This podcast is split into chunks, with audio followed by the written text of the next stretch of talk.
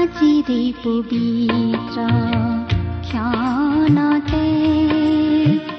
উজলি উঠা খ্ৰীষ্টৰ জ্যোতি। ভক্তিবচন অনুষ্ঠানৰ আজিৰ এই কাৰ্যসূচীলৈ সাদৰ সম্ভাষণেৰে আপোনাক আদৰিছো প্ৰিয় শ্ৰোতা।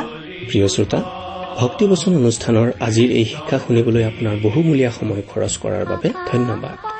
আপুনি খৰচ কৰা এই সময়খিনিত আপুনি জীৱনৰ এক বিশেষ আশীৰ্বাদ লাভ কৰিব বুলি বিশ্বাস কৰোঁ।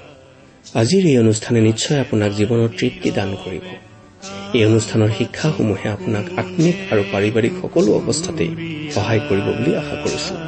আমাৰ বিশ্বাস প্ৰভু যীশুৰ বাণীসমূহে আপোনাক প্ৰচুৰ জীৱনৰ সোৱাদ দিব পাৰে। তেওঁৰ বাক্যই আপোনাক জীৱনৰ সকলো পৰিস্থিতিত থিৰে থাকিবলৈ আৰু উন্নতিৰ পথেৰে অগ্ৰসৰ হবলৈ সহায় কৰিব। ঈশ্বৰৰ এই বাক্যৰে আপুনি যেন প্ৰতিদিন আত্মিকভাৱে অধিক বলৱান আৰু পাৰিবাৰিক শান্তিৰে জীৱন যাপন কৰিব পাৰে তাৰেই কামনা কৰিছো। এই কামনাৰে আপোনালৈ আগবঢ়াইছো বাইবেলৰ শিক্ষামূলক অনুষ্ঠান ভক্তি বচন।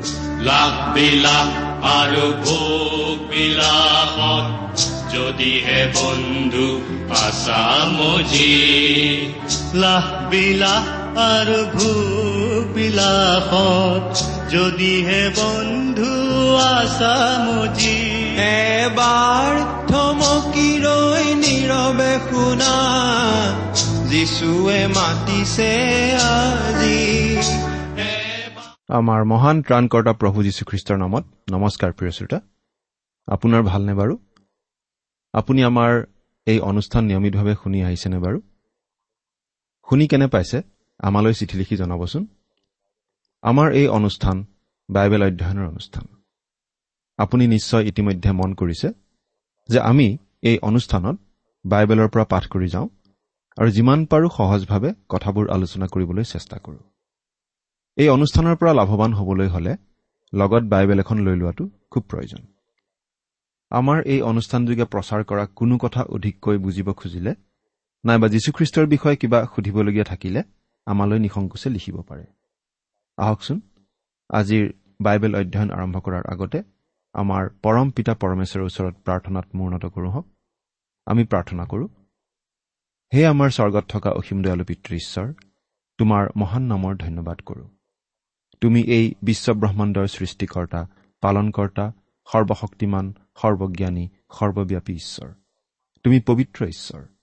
তোমাৰ নাম লোৱাৰেই আমি যোগ্য নহয় প্ৰভু। আমাৰ একো নাই যাৰে আমি তোমাৰ দৃষ্টিত গ্ৰহণীয় হ'ব পাৰোঁ। আমি দুৰ্বল পাপী মানুহ মাত্ৰ। কিন্তু প্ৰভু তুমি প্ৰেমময় কৰুণাময় অনুগ্ৰহশীল ঈশ্বৰ। তোমাৰ প্ৰেমৰ তুলনা নাই। তুমি যে আমাক প্ৰেম কৰিলা তাৰ প্ৰমাণ দিলা তোমাৰ একমাত্ৰ পুত্ৰ যীশুখ্ৰীষ্টক জগতলৈ পঠিওৱাৰ দ্বাৰাই। তেওঁ আমাৰ পৰিত্ৰাণৰ কাৰণে ক্ৰুচত আমাৰ পাপৰ প্ৰাচিত্য কৰি আমাৰ বাবে মুক্তিৰ পথ প্ৰস্তুত কৰিলে। তেওঁতে বিশ্বাস কৰি আজি আমি পৰিত্ৰাণ লাভ কৰি তোমাক পিতৃ বুলি মাতিব পৰা হৈছো। প্ৰভু তুমি আমাক কিয় যে ইমান ভাল পোৱা? কিয় যে ইমান প্ৰেম কৰা আমি বুজি নাপাওঁ। এতিয়া আহা পিতা তোমাৰ মহান বাক্য বাইবেল শাস্ত্ৰ অধ্যয়ন কৰাত আমাক সহায় কৰা। তোমাৰ বাক্য তুমিয়েই আমাক বুজাই দিয়া। এই অনুষ্ঠানৰ শ্ৰোতাসকলৰ কাৰণে প্ৰাৰ্থনা কৰোঁ। তেওঁলোকক তুমি বিশেষভাৱে আশীৰ্বাদ কৰা। তেওঁলোকৰ জীৱন সফল কৰি তোলা। তোমাৰ প্ৰেম তেওঁলোকৰ জীৱনত প্ৰকাশ পাবলৈ দিয়া। এই অনুষ্ঠান তোমাৰ হাততেই গতাইছো পিতা। আৰম্ভণিৰ পৰা শেষলৈকে তুমিয়েই আমাক পৰিচালিত কৰা। কিয়নো এই প্ৰাৰ্থনা আমাৰ ত্ৰাণকৰ্তা প্ৰভু মৃত্যুঞ্জয় প্ৰভু যীশুখ্ৰীষ্টৰ নামত অৰ্পণ কৰিলো। আহমেদ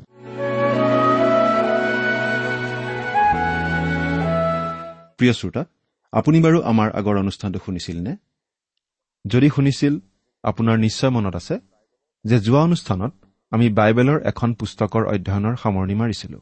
নহয়নে বাৰু? গতিকে আজিৰ এই ভক্তিবচন অনুষ্ঠানত আমি বাইবেলৰ আন এখন পুস্তকৰ অধ্যয়ন আৰম্ভ কৰিম বুলি আপুনি নিশ্চয় অনুমান কৰিব পাৰিছে। আপোনাৰ সেই অনুমান ঠিকেই। আজিৰ অনুষ্ঠানত আমি বাইবেলৰ নতুন নিয়ম খণ্ডৰ এখন পুস্তক ল'ব খুজিছো অধ্যয়ন কৰিবৰ কাৰণে। এই পুস্তকখন হৈছে থিচলনিকীয়াবিলাকৰ প্ৰতি প্ৰথম পত্ৰ। আমি চমুকৈ ক'ম প্ৰথম থিচলনিকীয়া বুলি। নতুন নিয়মত কলচীয়াবিলাকৰ প্ৰতি পত্ৰ নামৰ পুস্তকখনৰ পাছতেই এই প্ৰথম থিচলনিকীয়া পুস্তকখন পাব। এই পুস্তকখন হৈছে পাচনি পৌলে লিখা এখন চিঠি। থিচলনিকি নামৰ ঠাইত থকা খ্ৰীষ্টীয় বিশ্বাসীসকললৈ তেওঁ এই চিঠিখন লিখিছিল। পাচনি পৌলে লিখা পত্ৰকেইখন নতুন নিয়মত যিটো ক্ৰমত সজোৱা হৈছে সেই ক্ৰমটোলৈ চালে এই পত্ৰখন পাচনি পৌলে লিখা পত্ৰসমূহৰ শেষৰ ভাগত আছে। কিন্তু আমি এটা কথা মনত ৰখা উচিত যে আচলতে এই পত্ৰখন পাচনি পৌলে লিখা প্ৰথম পত্ৰ আছিল। এইখন তেওঁ লিখিছিল বাৱন বা তেৱন চনত। প্ৰিয় শ্ৰোতা আমি পাচনি পৌলে লিখা বুলি কওঁতে এই কথাটো পাহৰি যোৱা উচিত নহ'ব যে বাইবেলখন বিভিন্ন ব্যক্তিৰ যোগেদি লিখা হৈছিল। পাচনি পৌলো তাৰে মাজৰ এজন। কিন্তু প্ৰকৃততে বাইবেলৰ লিখক এজনেই। তেওঁ হৈছে পবিত্ৰ আত্মা ঈশ্বৰ। পবিত্ৰ আত্মা ঈশ্বৰৰ দ্বাৰা অনুপ্ৰাণিত হৈয়েই বিভিন্নজনে বিভিন্ন পুস্তকবোৰ লিখিছিল বাইবেলৰ। সেইকাৰণে আমি ইয়াত যি কথা পাম সেয়া আচলতে পাচনি পৌলে কোৱা কথা নহয় পবিত্ৰ আত্মা ঈশ্বৰে কোৱা কথা। এতিয়া আমি আকৌ মূল কথালৈ ঘূৰি আহোঁ। এই প্ৰথম থিচলনিকি পত্ৰখন লিখা হৈছিল থিচলনিকিত থকা খ্ৰীষ্টীয় বিশ্বাসীৰ সমীপলৈ। থিচলনিকি আছিল ৰুমিয়া লোকসকলৰ এখন উপনিৱেশ। দখল কৰি লোৱা বা পৰাস্ত কৰি লোৱা ঠাইৰ লোকসকলৰ প্ৰতি ৰুমিয়াসকলৰ নীতি অলপ বেলেগ ধৰণৰ আছিল। আন আন কিছুমান জাতিৰ নিচিনা নহয়। উদাহৰণস্বৰূপে কিছুমান দেশে পৃথিৱীৰ সকলো ঠাইৰ লোককেই নিজৰ দেশৰ মানুহৰ নিচিনা কৰি তুলিব খোজে। তেতিয়া সকলো সমস্যা শেষ হৈ যাব বুলি ভাবে। কিন্তু ৰুমিয়া লোকসকলৰ চিন্তা বেলেগ আছিল। ৰুমিয়াসকলে জয় কৰি লোৱা দেশৰ মানুহৰ সংস্কৃতি পোনে পোনে সলনি কৰিবলৈ চেষ্টা কৰা নাছিল। বা তেওঁলোকৰ জীৱন ধাৰণৰ প্ৰণালী তেওঁলোকৰ ৰীতি নীতি নাইবা ভাষা সলনি কৰিবলৈ চেষ্টা কৰা নাছিল। কিন্তু তেওঁলোকে গোটেই সাম্ৰাজ্যখনৰ ভৌগোলিক দিশৰ পৰা গুৰুত্বপূৰ্ণ ঠাই কিছুমানত বাছি বাছি নিজৰ উপনিৱেশ গঢ়ি তুলিছিল। এই ৰুমিয়া উপনিৱেশ হিচাপে গঢ়ি তোলা নগৰবোৰে লাহে লাহে ৰুমিয়া আইন কানুন নীতি নিয়ম আৰু জীৱন ধাৰণৰ প্ৰণালী আদি গ্ৰহণ কৰিছিল। স্থানীয় দোকান পোহাৰত লাহে লাহে সেই বস্তুবোৰহে পোৱা গৈছিল যিবোৰ ৰুমত ব্যৱহৃত হৈছিল। সাজ পোছাক আদি ঠিক ৰুমিয়াবিলাকৰ নিচিনা হৈ পৰিছিল। এনেদৰে সেই উপনিৱেশবিলাক একো একোখন সৰু সৰু ৰোম নগৰত পৰিণত হৈছিল। থিচলনিকিও এনেকুৱা এখন ৰুমিয়া উপনিৱেশ আছিল আৰু ৰোমান সাম্ৰাজ্যৰ এখন গুৰুত্বপূৰ্ণ নগৰ আছিল। থিচলনিকি নগৰখন ফিলিপি নগৰৰ পৰা প্ৰায় পঞ্চাছ মাইল পশ্চিমে আৰু এথেন্স নগৰৰ পৰা প্ৰায় এশ মাইল উত্তৰে অৱস্থিত আছিল। চিচেৰ নামৰ বিখ্যাত ব্যক্তি এজনে কৈছিল যে থিচলনিকি আছিল সাম্ৰাজ্যখনৰ কোলাস্বৰূপ। এই চহৰখন আছিল সাম্ৰাজ্যখনৰ ঠিক মাজভাগত আৰু মাকিডনিয়াৰ মুখ্য চহৰচুক এই চহৰখনৰ নাম প্ৰথমতে দিয়া হৈছিল থাৰ্মা বুলি কাৰণ ইয়াত বহুতো গৰম পানীৰ নিজৰা আছিল। আলেকজেণ্ডাৰৰ সাম্ৰাজ্যখন চাৰিজন সেনাপতিয়ে ভগাই লৈছিল। তেওঁলোকৰ মাজৰ এজন আছিল কেচাণ্ডাৰ তেওঁ খ্ৰীষ্টপূৰ্ব তিনিশ ষোল্ল চনত মাকিডনিয়াৰ শাসনভাৰ হাতত লৈ থিচলনিয়াকেই তেওঁৰ মূল ঘাটি হিচাপে ব্যৱহাৰ কৰিছিল। তেওঁ চহৰখন নিজৰ ঘৈণীয়েকৰ নামেৰে নামকৰণ কৰিছিল। ঘৈণীয়েকৰ নাম আছিল থেচালনিকে তেওঁ আলেকজেণ্ডাৰৰ সম্বন্ধীয় ভনীয়েক আছিল। চহৰখন এতিয়াও আছে। বৰ্তমানে এই চহৰখন চলোনিকা বুলি জনাজাত। পৌলৰ দ্বিতীয় মিছনেৰী যাত্ৰাৰ সময়ত এই মণ্ডলী স্থাপিত হৈছিল। এইটো এটা আদৰ্শ মণ্ডলী আছিল। এই কথাটো পৌলে প্ৰথম অধ্যায়ত উল্লেখ কৰিছে মাকিডনিয়া আৰু আখায়াত থকা সকলো বিশ্বাসী লোকলৈ আৰ্হি হলা। প্ৰথম থিচলনিকীয়া প্ৰথম অধ্যায় সাত পদ। বৰ্তমানে আমি যি অঞ্চলক গ্ৰীক দেশ বুলি কওঁ এই গোটেই অঞ্চলত এই থিচলনিকীয়া মণ্ডলী এক আৰ্হিস্বৰূপ আছিল। এই মণ্ডলীটো কৰিন্থিয়া মণ্ডলীৰ কাৰণেও আৰ্হিস্বৰূপ আছিল বুলি পাচনি পৌলে উল্লেখ কৰিছে। এই কথাটো আমি দ্বিতীয় কৰিন্থিয়া আঠ অধ্যায় একৰ পৰা পাঁচ পদত পাওঁ। প্ৰিয় শ্ৰোতা আপোনাৰ নিশ্চয় মনত আছে যে দ্বিতীয় মিছনেৰী যাত্ৰাৰ আগে আগে পৌল আৰু বাৰ্ণবা বেলেগ বেলেগ হৈ দুফালে গৈছিল। পৌলে লগত চিলক লৈ গৈছিল আৰু গৈ থাকোঁতে বাটত তিমঠিয় আৰু ডাক্তৰ লোককো লৈ গৈছিল। তেওঁ গালাটিয়াত থকা মণ্ডলীবোৰ আকৌ পৰিদৰ্শন কৰিছিল আৰু তাৰ পাছত এছিয়া মাইনৰ খুব ঘন বসতিপূৰ্ণ অঞ্চলটোত তেওঁ খ্ৰীষ্টীয় বিশ্বাসৰ প্ৰভাৱ বঢ়াব খুজিছিল। এই অঞ্চলটোক আমি আজিকালি তুৰস্ক বুলি চিনি পাওঁ। আমি ভাবোঁ তেওঁ সেই অঞ্চলত শুভবাৰ্তা ঘোষণা কৰি যাবলৈ ইচ্ছা কৰিছিল কাৰণ তেওঁ তৃতীয় মিছনেৰী যাত্ৰাৰ সময়ত ইফিছ নগৰকে মুখ্য ঘাটিৰ নিচিনা ব্যৱহাৰ কৰিছিল আৰু বহুলভাৱে শুভবাৰ্তা প্ৰচাৰৰ কাৰ্য কৰিছিল। সম্ভৱতঃ এইখিনিয়েই তেওঁ কৰা শুভবাৰ্তা প্ৰচাৰ কাৰ্যৰ ভিতৰত বিশেষভাৱে উল্লেখযোগ্য শুভবাৰ্তা কাৰ্য। কিন্তু তেওঁৰ দ্বিতীয় মিছনেৰী যাত্ৰাৰ সময়ত ঈশ্বৰৰ আত্মাই তেওঁৰ বাটত হেঙাৰৰ সৃষ্টি কৰিছিল আৰু তেওঁক দক্ষিণলৈ যাবলৈ নিদিলে। তেওঁ বিথুনীয়ালৈ যাব খুজিছিল কিন্তু আকৌ ঈশ্বৰৰ আত্মাই তেওঁক বাধা দিলে। তেওঁ উত্তৰলৈও যাব নোৱাৰে দক্ষিণলৈও যাব নোৱাৰে। গতিকে তেওঁ পশ্চিমলৈ আহিল আৰু ত্ৰোৱা নামৰ ঠাইত ৰৈ থাকিল ঈশ্বৰৰ আত্মাৰ পৰা নিৰ্দেশনা বিচাৰি। তেওঁ সপোনত দৰ্শন পালে। মাকিডনিয়াৰ মানুহ আহি তেওঁক শুভবাৰ্তা বিলাবলৈ নিমন্ত্ৰণ কৰাৰ। আৰু সেইবাবে তেওঁ ফিলিপিলৈ গ'ল। কিন্তু তেওঁ ফিলিপিলৈ আহি দেখিলে যে মাকিডনিয়াৰ মানুহজন আচলতে এগৰাকী মহিলাহে আছিল। নাম লুডিয়া লুডিয়া আছিল বজাৰত বয় বস্তু বিক্ৰী কৰা মহিলা। পৌলে লুডিয়া আৰু লগতে আন বহুতো লোকক খ্ৰীষ্টলৈ জয় কৰিলে। তেনেদৰেই ফিলিপিত খ্ৰীষ্টীয় মণ্ডলী স্থাপিত হ'ল। তাৰ পাছত পৌল থিচলনিকিলৈ আহিল। আমি পাচনিৰ কৰ্ম সোতৰ নম্বৰ অধ্যায়ত পঢ়িবলৈ পাওঁ যে তাত তেওঁ তিনিটা বিশ্ৰামবাৰৰ বাবে আছিল। অৰ্থাৎ সেই ঠাইত পাচনি পৌল এমাহতকৈও কম সময় আছিল।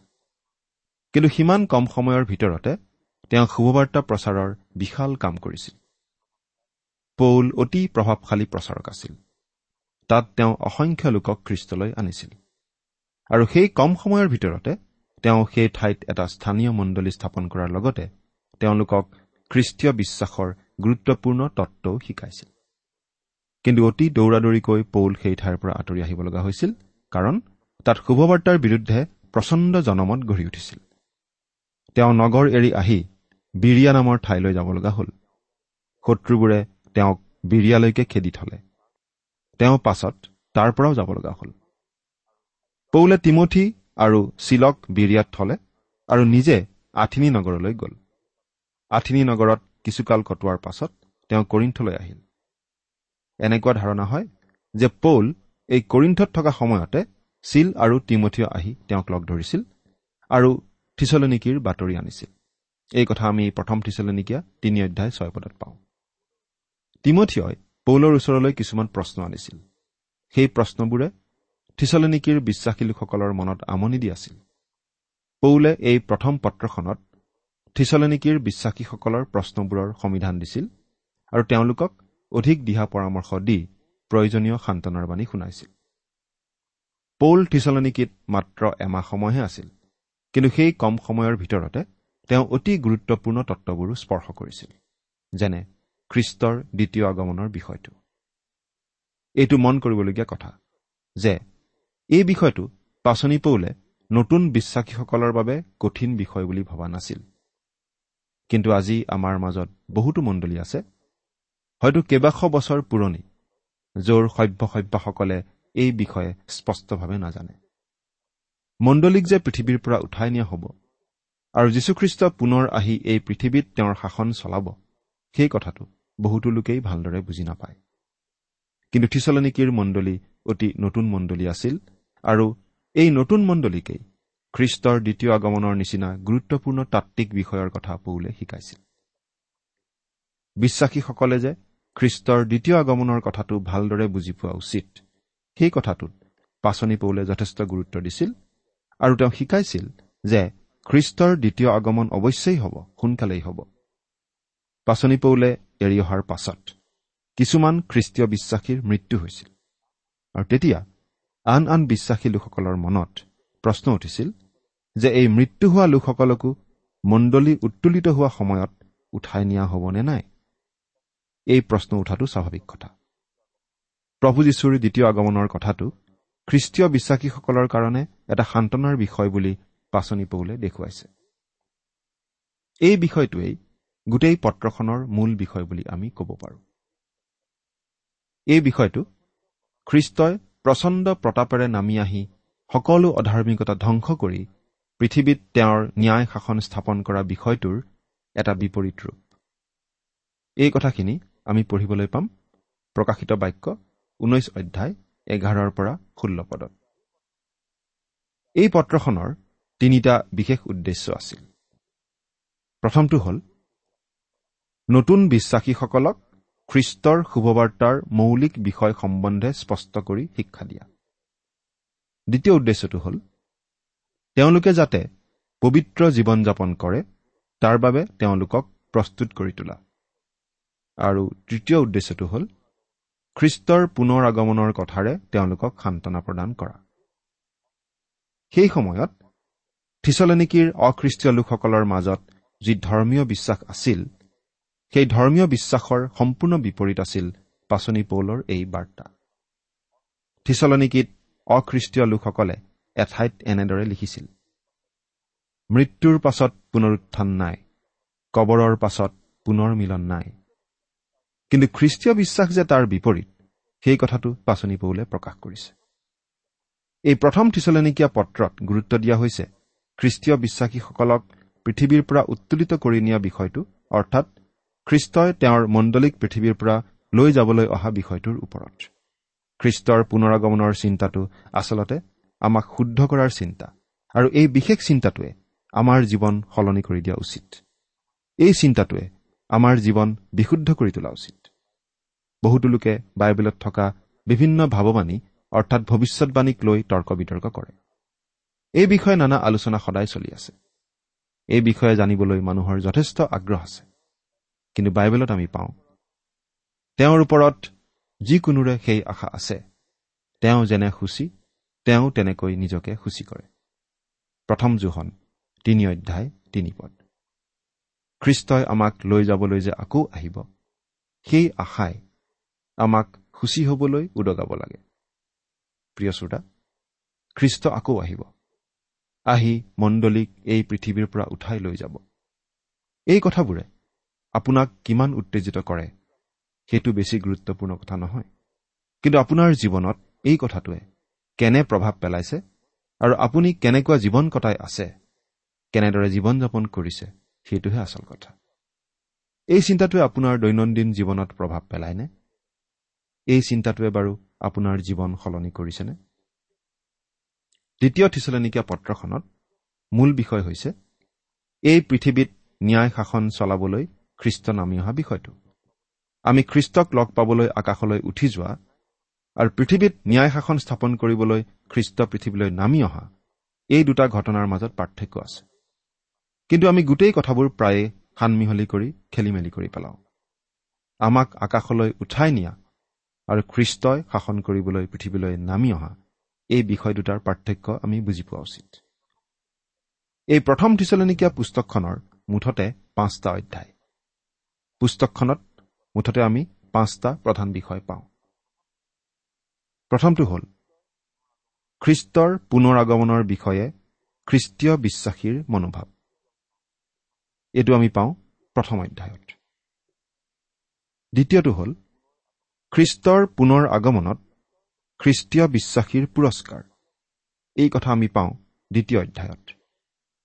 তৃতীয়তে খ্ৰীষ্টৰ পুনৰ আগমন আৰু খ্ৰীষ্টীয় বিশ্বাসীৰ জীৱন। এই কথা আমি পাওঁ তিনি নম্বৰ অধ্যায়ৰ পৰা চাৰি নম্বৰ অধ্যায়ৰ বাৰ নম্বৰ পদলৈকে। চতুৰ্থটো বিষয় হ'ল খ্ৰীষ্টীয় বিশ্বাসীৰ মৃত্যু আৰু খ্ৰীষ্টৰ পুনৰ আগমন এই কথাখিনি আমি পাওঁ চাৰি নম্বৰ অধ্যায়ৰ তেৰ নম্বৰ পদৰ পৰা ওঠৰ নম্বৰ পদলৈকে। পাঁচ নম্বৰ বিষয়টো হৈছে খ্ৰীষ্টৰ পুনৰ আগমনৰ পটভূমিত খ্ৰীষ্টীয় বিশ্বাসীৰ কাৰ্য। এই বিষয়টো আমি পাওঁ পাঁচ নম্বৰ অধ্যায়ত। এতিয়া আমি বাইবেলৰ পৰা পাঠ কৰি দিব খুজিছোঁ। যদিও আমাৰ হাতত বেছি সময় নাই তথাপি বাইবেলৰ পৰা অলপ পাঠ কৰি তাৰ ওপৰতে আলোচনা চলাম। পাঠ কৰি দিম। প্ৰথম থিচলনিকীয়া প্ৰথম অধ্যায় প্ৰথম পদ। আমি বাইবেলৰ পৰা পাঠ কৰি দিম। অনুগ্ৰহ কৰি আপোনাৰ হাতত যদি বাইবেল আছে চাই যাব। যদিহে লগত বাইবেল নাই অনুগ্ৰহ কৰি মন দি শুনিব। পাঠ কৰি দিছো। পৌল চিল আৰু তিমঠিয় পিতৃ ঈশ্বৰ আৰু প্ৰভু যীশুখ্ৰীষ্টত থকা থিচলেনিকীয়াবিলাকৰ মণ্ডলীৰ সমীপলৈ। তোমালোকলৈ অনুগ্ৰহ আৰু শান্তি হওক। পত্ৰৰ আৰম্ভণিতে পাচনি পৌলে সদায় এনেদৰে অভিবাদন জনায়। আন আন পত্ৰবোৰতো একেধৰণৰ অভিবাদন আমি দেখিবলৈ পাওঁ। পাচনি পৌলে লিখা আন আন পত্ৰবোৰ যেতিয়া আমি পঢ়ো তেতিয়া পত্ৰৰ আৰম্ভণিতে পাচনি পৌলে ঠিক একেধৰণে অভিবাদন জনোৱাটো আমি দেখিবলৈ পাওঁ। কিন্তু ইয়াত আমি এটা বিশেষ পাৰ্থক্য দেখা পাইছো। পাৰ্থক্যটোনো কি বাৰু? এই অভিবাদন জনোৱাত পাচনি পৌলে লগতে চিল আৰু তিমঠিয়ৰ নামো সাঙুৰি দিছে। এই চিল আৰু তিমঠিয় আহি পেলাই পাচনি পৌলক লগ ধৰিছিলহি আৰু থিচলেনিকিৰ খবৰ বাতৰিবিলাক তেওঁক জনাইছিলহি। তেওঁলোকৰ নাম ইয়াত উল্লেখ কৰি দি পাচনি পৌলে এই কথাটো জনাই দিছে যে এই চিঠিখনত যিবোৰ কথা তেওঁ লিখিছে সেই লিখা সকলোখিনি কথাত তেওঁৰ লগতে সেই চিল আৰু তিমঠিৰো সন্মতি আছে। অৰ্থাৎ তিনিওজনে লগ হৈ চিঠিখন লিখাৰ নিচিনা হৈছে। তদুপৰি চিল আৰু তিমঠিয়ৰ নাম উল্লেখ কৰি পাচনি পৌলে আচলতে নিজৰ নম্ৰতা প্ৰকাশ কৰিছে। কিয় বাৰু? পাচনি পৌলে তেওঁলোকৰ নাম ইয়াত উল্লেখ নকৰা হলে তেওঁলোক আজি আমাৰ বাবে হয়তো অজ্ঞাত হৈ থাকিলেহেঁতেন। কিন্তু পৌলে তেওঁলোককো নিজৰ লগত লৈছে। তেওঁলোকৰ নামো নিজৰ লগতে সমানে উল্লেখ কৰিছে। প্ৰিয় শ্ৰোতা পাচনি পৌল অকলশৰীয়া নাছিল। তেওঁৰ লগত আন খ্ৰীষ্টীয় বিশ্বাসীসকলক লবলৈ তেওঁ জানিছিল। সকলোকে একেলগে লৈ কাম কৰিবলৈও তেওঁ জানিছিল। আচলতে ঈশ্বৰৰ বাক্য বিলোৱা লোকসকলে নিজকে কেতিয়াও আন মানুহৰ পৰা আঁতৰাই নাৰাখি মানুহৰ সৈতে মিলি থাকিবলৈ চেষ্টা কৰা উচিত। যদিহে মানুহৰ সৈতে মিলিবৰ কাৰণে নিজৰ বিশ্বাসৰ ক্ষেত্ৰত কেতিয়াও আপোচ কৰিবলগীয়া নহয়। পিতৃ ঈশ্বৰ আৰু প্ৰভু যীশুখ্ৰীষ্টত থকা থিচলনিকীয়াবিলাকৰ সমীপলৈ। অৰ্থাৎ সেই থিচলনিকীয়াসকল আছিল পিতৃ ঈশ্বৰ আৰু প্ৰভু যীশুখ্ৰীষ্টত তেওঁলোক খ্ৰীষ্টীয় বিশ্বাসী লোক আছিল আৰু পিতৃ ঈশ্বৰ আৰু খ্ৰীষ্টতেই তেওঁলোক আছিল। প্ৰভু যীশুৱে পিতৃৰ আগত এইবুলি প্ৰাৰ্থনা কৰিছিল আমি পাওঁ জোহনে লিখা শুভবাৰ্তা সোতৰ নম্বৰ অধ্যায়ৰ একৈশ নম্বৰ পদৰ পৰা তেইছ নম্বৰ পদলৈ পাঠ কৰি দিছো শুনিবচোন। যেন তেওঁবিলাক সকলো এক হয়। হে পিতৃ তুমি যে মোক পঠালা ইয়াক জগতে বিশ্বাস কৰিবলৈ তুমি যেনেকৈ মোত আৰু মই যেনেকৈ তোমাত তেওঁবিলাকো তেনেকৈ যেন আমাত হয়। আৰু তুমি যে মোক পঠালা আৰু মোক যেনেকৈ প্ৰেম কৰিলা তেওঁবিলাককো যে তেনেকৈ প্ৰেম কৰিলা ইয়াকে জগতে জানিবলৈ আমি যেনেকৈ এক তেওঁবিলাকো তেনেকৈ যেন এক হয়। মই তেওঁবিলাকত আৰু তুমি মোত থকাত তেওঁবিলাক যেন সম্পূৰ্ণকৈ এক হয়। এই নিমিত্তে তুমি মোক যি মহিমা দিলা সেই মহিমা ময়ো তেওঁবিলাকক দিলো।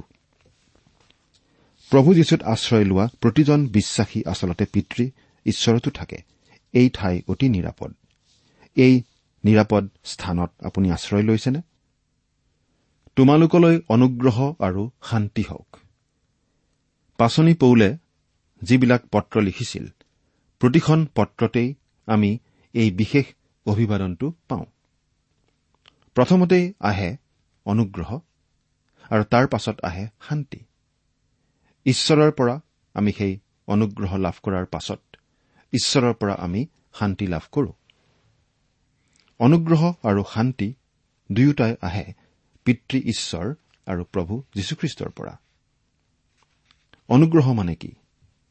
অনুগ্ৰহ মানে হৈছে আমি পোৱাৰ যোগ্য নোহোৱা স্বত্তেও যদি কিবা আশীৰ্বাদ লাভ কৰো যদি কিবা ভাল বস্তু লাভ কৰো সেয়াই হৈছে অনুগ্ৰহ।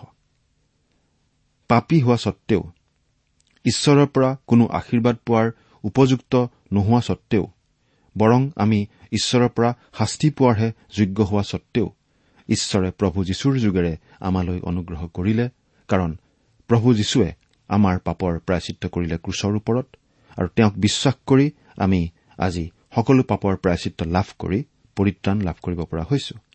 গতিকে সেই অনুগ্ৰহত আমি প্ৰভু যীশুক আমাৰ ত্ৰাণকৰ্তা বুলি গ্ৰহণ কৰাৰ পাছত আমি প্ৰতিজন লোকেই শান্তি লাভ কৰিব পাৰো কাৰণ প্ৰভু যীশুৱেই আমাক সেই শান্তি দিয়ে। প্ৰভু যীশুত বিশ্বাস কৰা প্ৰতিজন লোককেই আমি আচলতে এইদৰে অভিবাদন জনাব পাৰো। কাৰণ প্ৰভু যীশুক গ্ৰহণ কৰাৰ লগে লগেই তেওঁ এই আশীৰ্বাদ লাভ কৰিব পৰা হয়। আপুনি বাৰু এই আশীৰ্বাদ লাভ কৰিছেনে?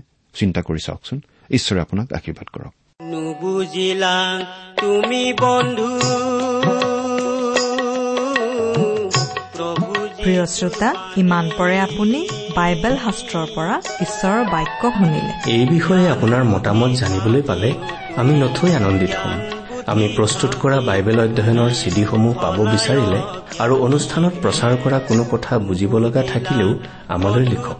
আমাৰ যোগাযোগৰ ঠিকনা ভক্তিবচন ট্ৰান্সৱৰ্ল্ড ৰেডিঅ' ইণ্ডিয়া ডাক বাকচ নম্বৰ সাত শূন্য গুৱাহাটী সাত আঠ এক শূন্য শূন্য এক। ঠিকনাটো আকৌ এবাৰ কৈছো ভক্তিবচন ট্ৰান্সৱৰ্ল্ড ৰেডিঅ' ইণ্ডিয়া ডাক বাকচ নম্বৰ সাত শূন্য গুৱাহাটী সাত আঠ এক শূন্য শূন্য এক। প্ৰভু যীশু আহিছিল এই পৃথিৱীলৈ পাপী মানুহক পাপৰ পৰা উদ্ধাৰ কৰিবলৈ নুবুজিলা। আমাৰ ইমেইল এড্ৰেছটো হৈছে Assamese T TV at the rate radio' eight eight two dot com আমাৰ website W W W dot T W R dot in আপুনি টেলিফোনৰ মাধ্যমেৰেও আমাক যোগাযোগ কৰিব পাৰে। আমাৰ টেলিফোন নম্বৰটো হৈছে nine eight five four zero' four zero' eight eight nine. Phone নম্বৰটো আকৌ এবাৰ কৈছো ন আঠ পাঁচ চাৰি শূন্য চাৰি শূন্য আঠ আঠ ন। আপুনি এই ভক্তিবচন অনুষ্ঠানটি আমাৰ website W W W dot radio' eight eight two dot কমতো শুনিব পাৰিব। আজিৰ অনুষ্ঠানটি ইমানতেই সামৰিছো। ঈশ্বৰৰ শান্তি আৰু অনুগ্ৰহ আপোনাৰ লগত থাকক। ধন্যবাদ। শুনা বন্ধু প্ৰভু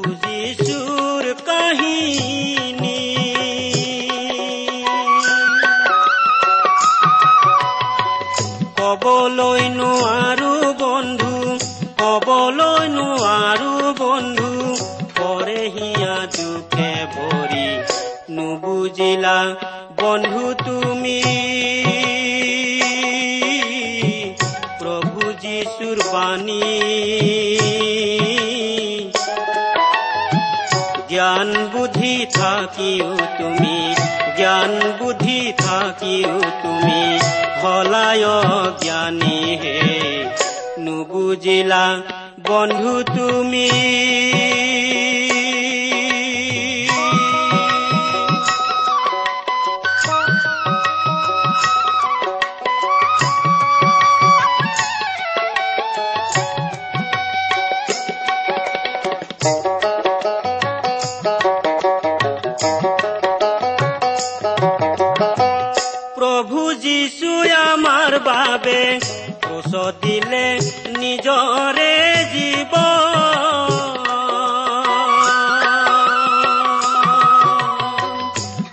যে যাতনা ভুঞ্জিলে